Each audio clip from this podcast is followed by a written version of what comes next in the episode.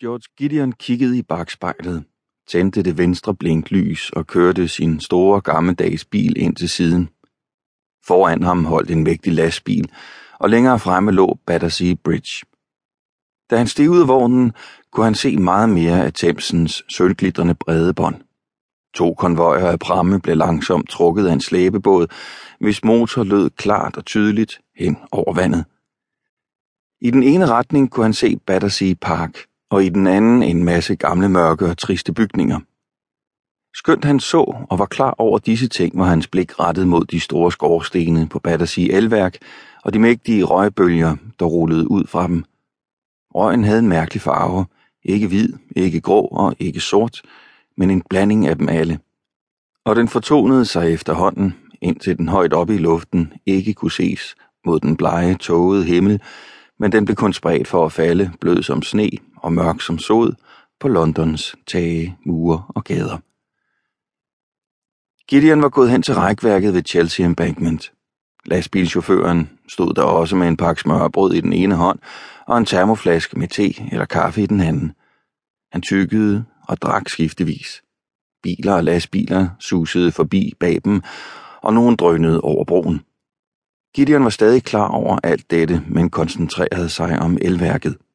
Man kunne godt sige, at det var et symbol på Londons kraft og styrke, men han blev ikke fastholdt af det på grund af nogen slags symbolik. På den anden side floden, i den massive bygning, der havde modstået nazisternes angreb med spræng- og brandbomber, havde der været sabotage tidligt i morges. Ikke noget væsentligt, ikke alarmerende, og dog nok til at bekymre ham.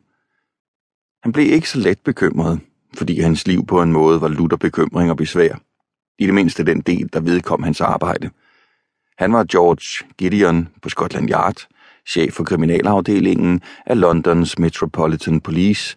Han havde ansvar for hver eneste af de 8.000 kriminalfolk i London og ansvaret for at bekæmpe enhver art af forbrydelse, som forekom i London.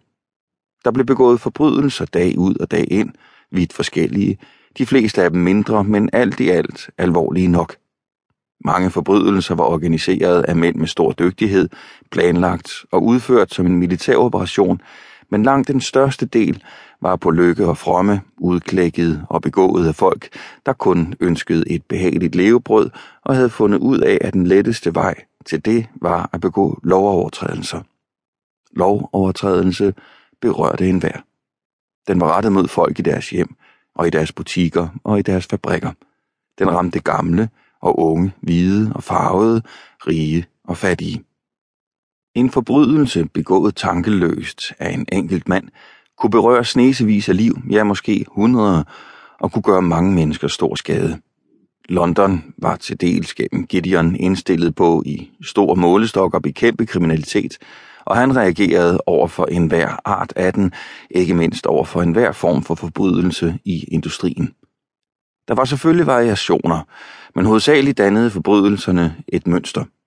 Der var rapseri i større eller mindre stil, frækt tyveri, vandalisme. Så var der forbrydelser, der skete af skødesløshed, som for eksempel overtrædelse af fabrikslovgivningen, og der var underslæb og bedrageri.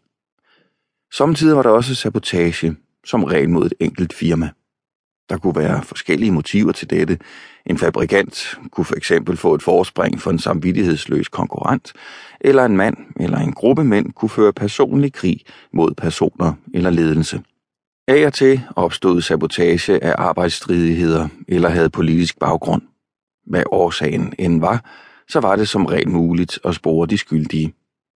I en periode på to eller tre måneder havde der været rapporter om sabotage i elværker, der leverede strøm til sværindustrien, som brugte en masse, men hverken årsag eller gerningsmænd var blevet fundet.